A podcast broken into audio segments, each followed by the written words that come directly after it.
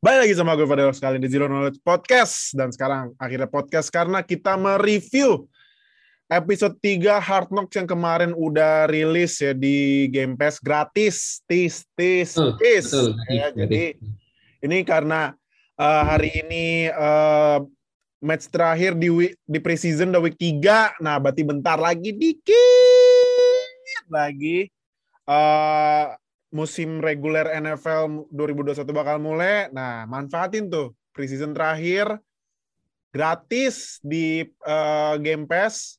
Dan Betul. itu nanti hari Minggu sama Senin tadi gue lihat katanya tuh Minggu sama Senin kalau nggak salah itu top 10 NFL 100 of 2021 tuh. Ya kan? Ya, betul. kan udah, kemarin kan udah di ini ya, udah dirilis ya siapa aja yang masuk NFL eh, top 10-nya nih di Ya, list top 100 kan. Jadi ada ini nih listnya ini ada Davante ini, Adams, Josh Allen, Tom Brady, Aaron Donald, Derrick Henry, DeAndre Hopkins, Travis Kelce, bukan Kelsey ya. Kels, Patrick Mahomes, Aaron Rodgers, sama TJ Watt. Nah, jadi tungguin aja siapa peringkat satunya, tapi jangan lupa hari minggunya nonton peringkat 10 sampai 6. Nah, Tuh. eh ini bareng lagi sama Nuha eh, buat nge-review Hard Knocks episode 3. Nah, jadi yaudah kalau gitu sebelum mulai jangan lupa seperti biasa subscribe, klik konten sampai subscribe biar gua upload sama notifikasi langsung nonton. Kita update sama NFL di Indonesia. Biar kalau kita udah paling up to date lu nggak ketinggalan kereta ya. Oh, betul, betul. Oh. Terus jangan lupa di deskripsi ini kita di deskripsi video kita udah kita taruh semua eh, ininya link-link sosial media kita langsung semuanya join biar nggak kesepian nonton NFL di Indonesia ya. Oke, jadi udah kalau gitu langsung aja kita mulai nih. Eh pertama-tama tuh gila ya gue gue ini kan ini ini ya ini bukan NFL ya gue karena kan gue emang suka bikin video ya Ya, drone shootnya keren banget ya asli itu bahkan lebih keren daripada apa lebih drone shotnya kalau itu itu bahkan lebih keren dari lebih keren dari hasil apa pokoknya lebih keren daripada hasil season Cowboys musim lalu deh.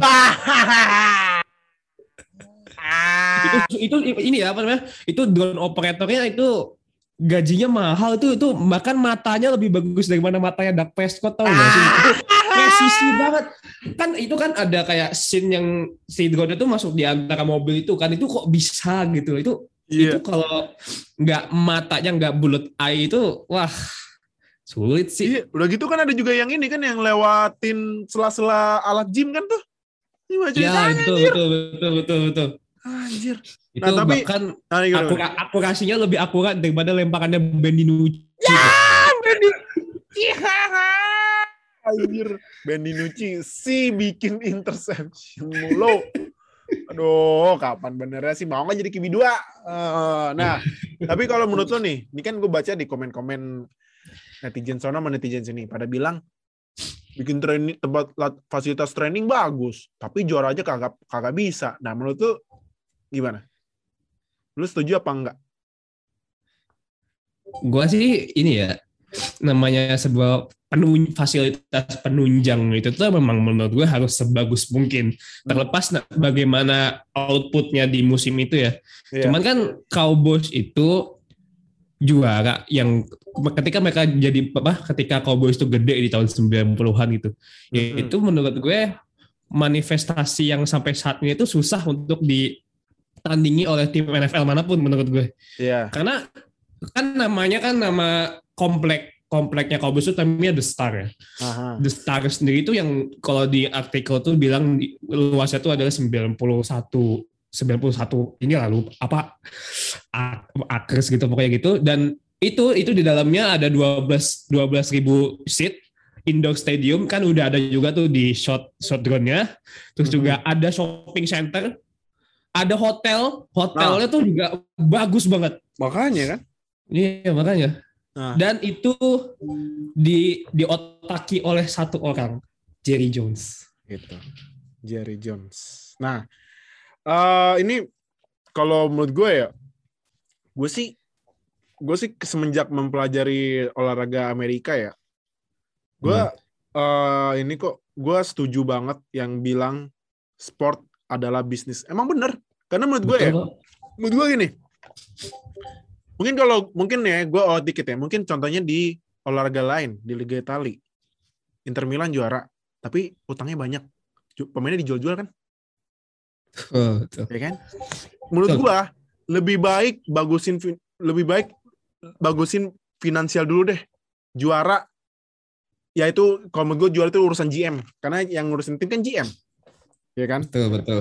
Kita gua sebagai owner tim ya gua harus inilah cari cara buat nyari duit, puasin shareholder gua dan bikin pemainnya nyaman dengan bikin fasilitas yang bagus.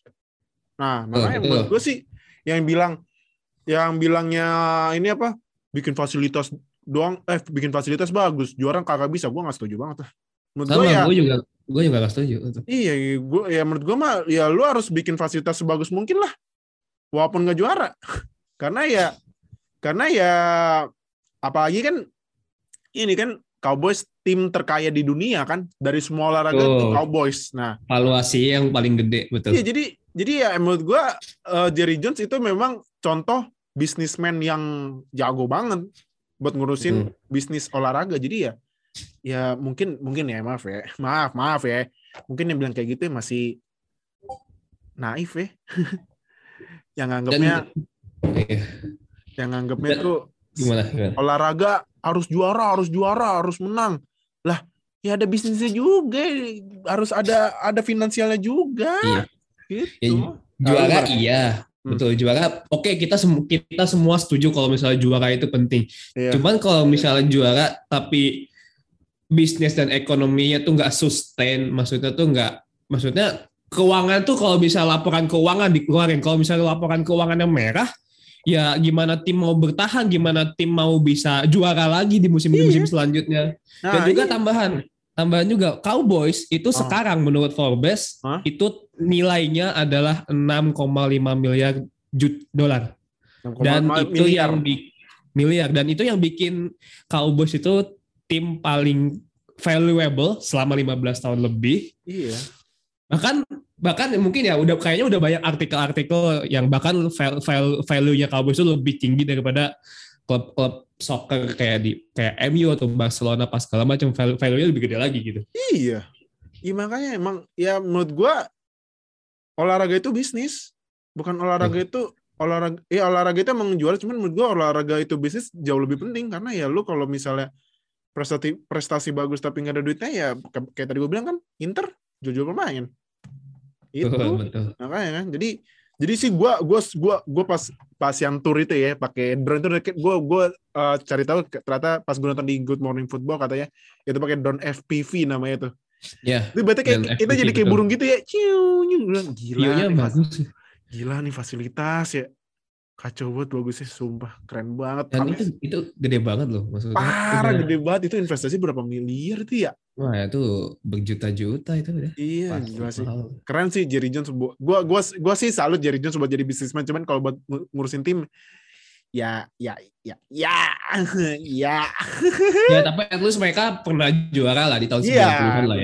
bener. at least pernah juara sama Jerry Jones kan dua kali tuh nah pas tahun 90-an nah jadi Oh, ya buat gue sih statement bikin fasilitas bisa tapi juara nggak bisa ya gue sangat sangat nggak setuju sih kalau kalau kalau kalau lu pada dan tahu uh, sports is business pasti nggak bakal bilang kayak gitu sih. Pasti. Pasti banget. Ya walaupun gue juga ya walaupun gue juga termasuk Cowboys haters ya maaf ya maaf ya. Ini kan ini kan gue nih ini Mimin kalau Mimin yang satu lagi dia harus netral. Nah ya walaupun gue Cowboys haters cuman gue salut banget sama bisnisnya Cowboys gila sih Cowboys bisnisnya. Pinter pinter nah terus tapi ini gini, tapi, apa? tapi gini nih, apa? Iya, boleh. Kalau misalnya nggak ada Cowboys, NFL nggak seru sih kalau menurut gue. itu itu karena Cowboys itu rating Betul. Nah kan? Iya kan? Karena Betul. Cowboys itu kalau kalau misalnya kalah atau apa pun sedikit pun dunia meme langsung keluar stokan Cowboys. Nggak menang ada aja. Kalah apa lagi? Ah, Banyak banget gitu. cadaan-cadaan apa enjoy. Makanya kalau menurut gue kalau misalnya mungkin aja misalnya Cowboys gitu, timnya misalnya hilang gitu. Menurut gue NFL nggak seru sih. iya. Menurut gue Menurut loh gua- ya. Menurut gua kalau Cowboys tiba-tiba ini ya, tiba-tiba pasti tapi pasti enggak ya. Tiba-tiba bubar gitu NFL bisnisnya bakal hancur sih. Hancur lebur menurut gue. Uh, betul, betul. Hancur lebur. Nah, langsung kayak kita uh, moving on ke selanjutnya nih. Pemain yang uh, kemarin sebenarnya sih nggak terlalu dikasih lihat cuman sekarang nah sekarang ini dia sekarang yang dikasih lihat ya. Isaac Oh. Alar aduh baca gimana Alarshon Alar Alarkon Alar Alar. Alarkon Alarshon masih baca ah gitulah. Alar apa ya bacanya? Alarcon ya, kan gitu. Isaac Isaac Alar Alarcon. Alar coba gue gue cari di wik aduh nggak ada ejaannya lagi ya Yaudah, itulah Isaac Alar Alar nggak itulah nah dia eh, ini kan dia dari Meksiko dia adalah salah satu Iya. pemain dari program International Pathway Program Pathway. ya kan program. nah em, tapi kalau dilihat kan dia kan posisinya itu left guard ya Ya, left guard. dia pas latihan ini kalau eh, di Hard Knocks episode 3-nya kayak kesusahan banget ya buat ngikutin instruksi pelatih sampai dimarahin kan. Isaac, Ya. Isaac, you're playing football gitu. Nah, kalau menurut lu Dino, ini kan OL-nya Cowboys kan udah banyak yang injury prone, udah banyak yang tua betul. juga kan. Nah, Betul. menurut lu kesempatan Isaac Alar Alarcon aja deh. Alarcon jadi starter. Ah, jangan starter deh, masuk ah 53 man roster. Cowboys gede apa kecil? Kalau menurut gua gede atau kecilnya sih sebenarnya balik ke ke performance dia di preseason ya.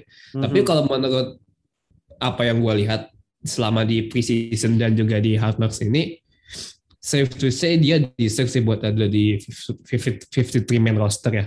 Bahkan kalau misalnya mentok-mentoknya practice squad deh, menurut gua ya dia dia layak untuk ada di situ karena memang mungkin kalau misalnya memang offensive line-nya Cowboys yang hitungannya sekarang udah jadi kaki kaca ya Mhm. bisa suatu satu game atau misalnya dua game tuh si Isaac Alarcon tuh bisa dipanggil Mhm. karena menurut gue he's not bad as a guard cuman ya karena wajar masih rookie gitu dan Ya. jalurnya international pathway jadi mungkin memang harus butuh pembiasaan lagi dengan style style defense style how to read the defense from the NFL players cuman memang menurut gue dia salah satu ya nggak salah satu sih ada banyak beberapa yang lulusan IPP tahun ini yang layak untuk masuk ke 53 man roster sih Hmm, Oke oke oke oke. Nah, eh, semoga ya pemain-pemain yang masuk international pat international pathway program bisa jadi starter kayak contohnya kan udah ada tuh di Eagles kan Jordan Mailata tuh. Oh, betul. Starter Dan juga tackle. ini di Patriots juga Jacoby Johnson Jacob juga udah. iya Jacob reguler. Jacob Johnson. Nah, semoga semoga yang lain bisa punya kesempatan jadi starter, Mak. Jadi gue sangat berharap di minggu terakhir ini nih di preseason harus dimanfaatin banget nih, maksimal banget ya buat para Betul, international betul. pathway program. Nah, eh terus eh kan dikasih lihat ya background keluarganya ini ya, background keluarganya si siapa?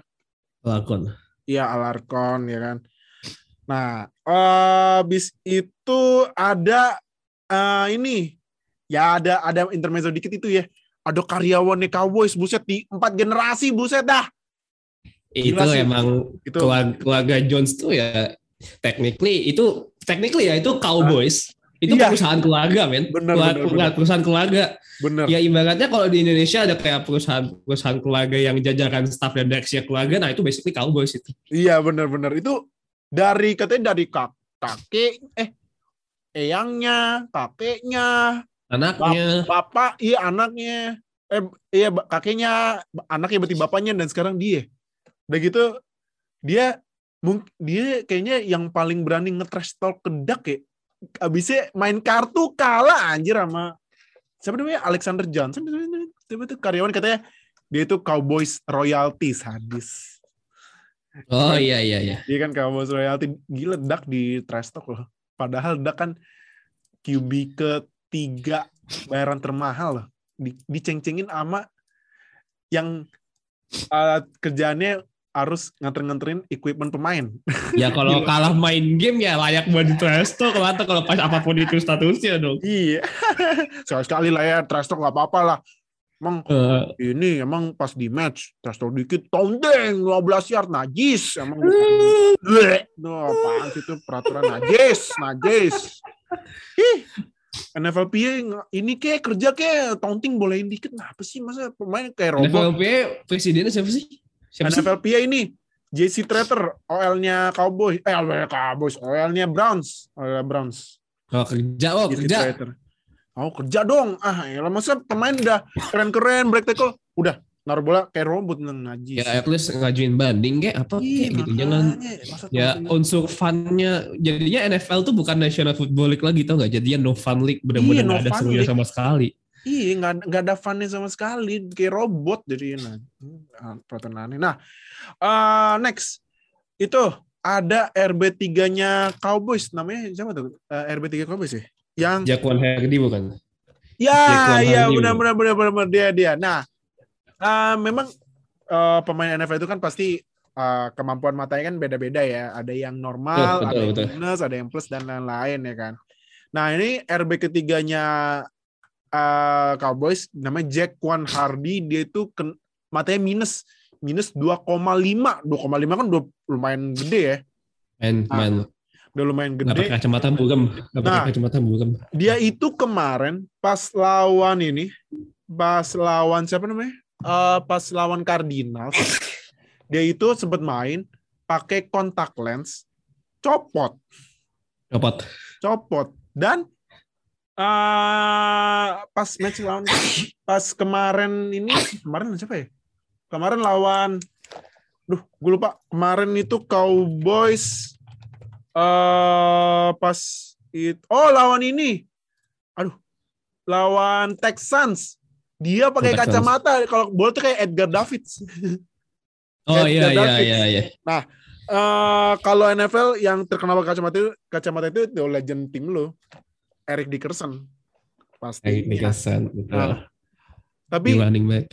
tapi kalau menurut lu ya mungkin ini agak medis dikit ya. Ini kan James Winston pernah operasi lasik ya betul Hardy harus operasi lasik gak? Habisnya itu kan sempet latihan dia nggak bisa lihat, nggak bisa nangkep bola. Padahal bolanya udah enak. betul betul ya betul menurut gue ya ya gue bukan orang medis gue bukan kuliah yang di medis mungkin ya opini gue bisa jadi salah gitu Mhm. Tapi menurut gue yang sebagai yang pernah, maksudnya yang pernah ya tahu lah bagaimana seharusnya atlet itu seperti apa. Atlet kan emang harus 100% fit ya. Maksudnya Mhm.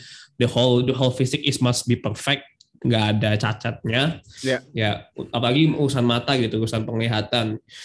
Dan ya khususnya kalau di NFL sendiri ya running back kan harus ngelihat ini ya, harus ngelihat di mana kalau misalnya OL tuh ngebuka jalan, OL Mhm. ngebuka jalan buat dia lari, Mhm. itu kan tentu harus tentu harus bisa ngeliat dengan jelas gitu. dan juga kalau misalnya dia lagi di posisi play yang di mana dia harus nangkap bola Mhm. tentunya dia harus ngeliat dong bola itu arah ke mana dan kalau misalnya matanya matanya minus kayak atau apa kan itu kan sangat sangat mengganggu ya Iya, bakal sangat sangat mengganggu performa Iya.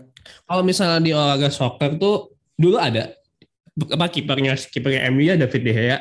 ketika dia di awal-awal karir ya mungkin ya agak autistiknya cuman it it could be relate ke karena dulu di awal di awal si Gea karir di MU dia tuh minus.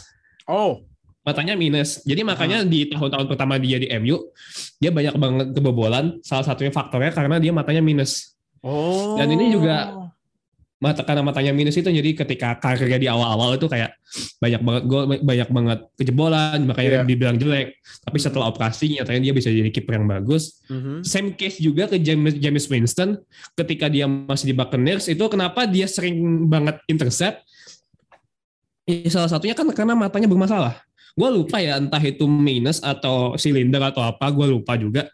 Yang bikin lemparannya mungkin mungkin kalau di pandangan dia udah nyampe nih maksudnya udah presisi cuman kan nyatanya yang terjadi kan lawannya ke, apa receivernya ke mana bolanya ke mana kan Iya. gitu jadinya Iya, iya. dan menurut gua menurut gua si Jaquan Hardy itu seharusnya kalau misalnya memang harus dia lasik, lasik aja secepat mungkin biar gak ngeganggu performance dia. Iya Cuman kalau memang belum mau sih ya harus ini ya pakai mungkin kayak kacamata tapi kacamatanya bisa ini loh yang apa yang betul-betul bisa melekat erat gitu jadi nggak akan Iya. goyang-goyang atau jatuh Yang karet tan belakang gitu ya. betul betul Hmm. kalau enggak kalau misal kalau enggak Pfizer aja Pfizer tapi cuman ya harus ada iya maksudnya Restriction-nya. restrictionnya dan maksudnya Pfizer-nya ya mungkin kan produs produsennya Oakley ya mungkin bisa request ke Oakley biar ada ya kayak silid ada minusnya atau kasarnya dia apa biar bisa ngebantu penglihatannya si Jacqueline Hardy ini. Oh iya sih, iya makanya bisa gak tau kenapa ya James Win ya ini ya kalau contoh pemain yang matanya bermasalah ya James Winston. Ya kan musim musim dua musim kemarin kan bikin ini kan 33 touchdown 30 30 intercept 30 interception kan gila. Eh, tapi abis lasik kemarin pas preseason dua touchdown lemparannya gila loh. Gue kaget sumpah. Bagus. Oh, eh, ini breaking news nih baru aja. ah iya nih iya iya iya iya, iya, iya benar ini. James Winston bakal menjadi QB1 di season. Nah, kenapa? Karena lasik. lasik nah itu benar karena la- operasi lasik nah Betul betul. berarti udah resmi James Winston adalah penerusnya Drew Brees Lubis. berarti kesimpulan eh berarti kesimpulannya kalau menurut gua dan mungkin wah ya buat pemain-pemain NFL yang matanya nggak ini ya eh, bermasalah gitu mendingan lasik ya Iya. Iya Atau enggak ya kalau misalnya belum di cover sama belum di cover sama kantor nih. Oh, iya, iya, iya. misalnya asuransinya belum di cover sama klub itu ya pesan aja ke maksudnya minta request ke Oakley gitu selaku produsen Iya sih. Pfizer pakai Pfizer yang bening ataupun yang Iya. color ya Ah. minta ini minta request ada ininya ada Iya. ya minta sesuai dengan keluhan matanya sih biar biar kalau misalnya belum pengen Pfizer belum pengen operasi ataupun ya belum di cover lah BPJS belum cair kan gitu. BPJS ya udah-udah nah iya BPJS belum cair Nah, terus ini uh, next. uh, kita ini ya pas match ya, match kemarin lawan Texans Ben DiNucci, QB kecintaan kita semua. Lem terakhir, terakhir mau ngejar lempar apa? Touch enggak interception. siapa. Aduh. Tapi terakhir uh, ini kan kalau gua cek ya, gua cek di depth chartnya ini Cowboys ini QB1 pastilah ya nomor 4 ya kan. QB keduanya Garrett Gilbert. QB ketiga Cooper Rush. QB keempat Ben DiNucci. Menurut lu apakah Ben DiNucci bakal kena cut? Karena dapat QB loh. Ben DiNucci kena cut apa enggak? Eh, kalau misalnya nanti di preseason ini ya, preseason game terakhir, kalau dia masih mainnya jelek sih ya wassalam sih. Apalagi kan kalau tadi lu bilang dia ada di nomor 4 gitu, bukan. Gua kira malah di nomor 2 loh Ben DiNucci itu. Harusnya kan soalnya kan Andy Dalton udah nggak ada. Tahun lalu kan Ben DiNucci rookie, jadi auto QB3 dan harusnya sih setelah si Andy Dalton cabut ke Bears ya harusnya sih Ben DiNucci jadi ini ya, jadi QB2 gitu harus men- harusnya menurut gue kayak gitu tapi tahunya ternyata udah ada Garrett Gilbert udah satu lagi siapa itu? Gue juga nggak tahu namanya. Jadi kalau pokoknya final decisionnya menurut gue sih Ben DiNucci sih harus ya seenggaknya main proper dan bagus di preseason game ketiga. Karena kalau misalnya banyak intercept ya wassalam sih bakal di-cut gue sih tidak bisa menjamin lagi karena memang ini udah preseason game terakhir karena cuma tiga game. Iya. ya ya ya is break it or make it for Ben DiNucci nanti di game ketiga Gila. Namanya udah kerennya Ben DiNucci sadis. Nah, episode 3. eh lu kasih nilai berapa? gue buat shot drone-nya gue 10 per 10 Oh iya. Drone shot shotnya ya. shot drone-nya Drone shot shotnya iya, drone-nya. aku juga. Cuman kalau Sebelumnya 10 per 10 kalau buat ke- keseluruhan episode Ya menurut gue ini ya entertaining lah. Maksudnya memang karena ini faktor Cowboys ya jadi all of the episode are mostly entertaining for us. Iya. Jadi ya 8 lah, 8 per 8 ya. 10. Oke deh. Berarti eh, itu review episode 3 kita. Jangan lupa minggu depan episode 4.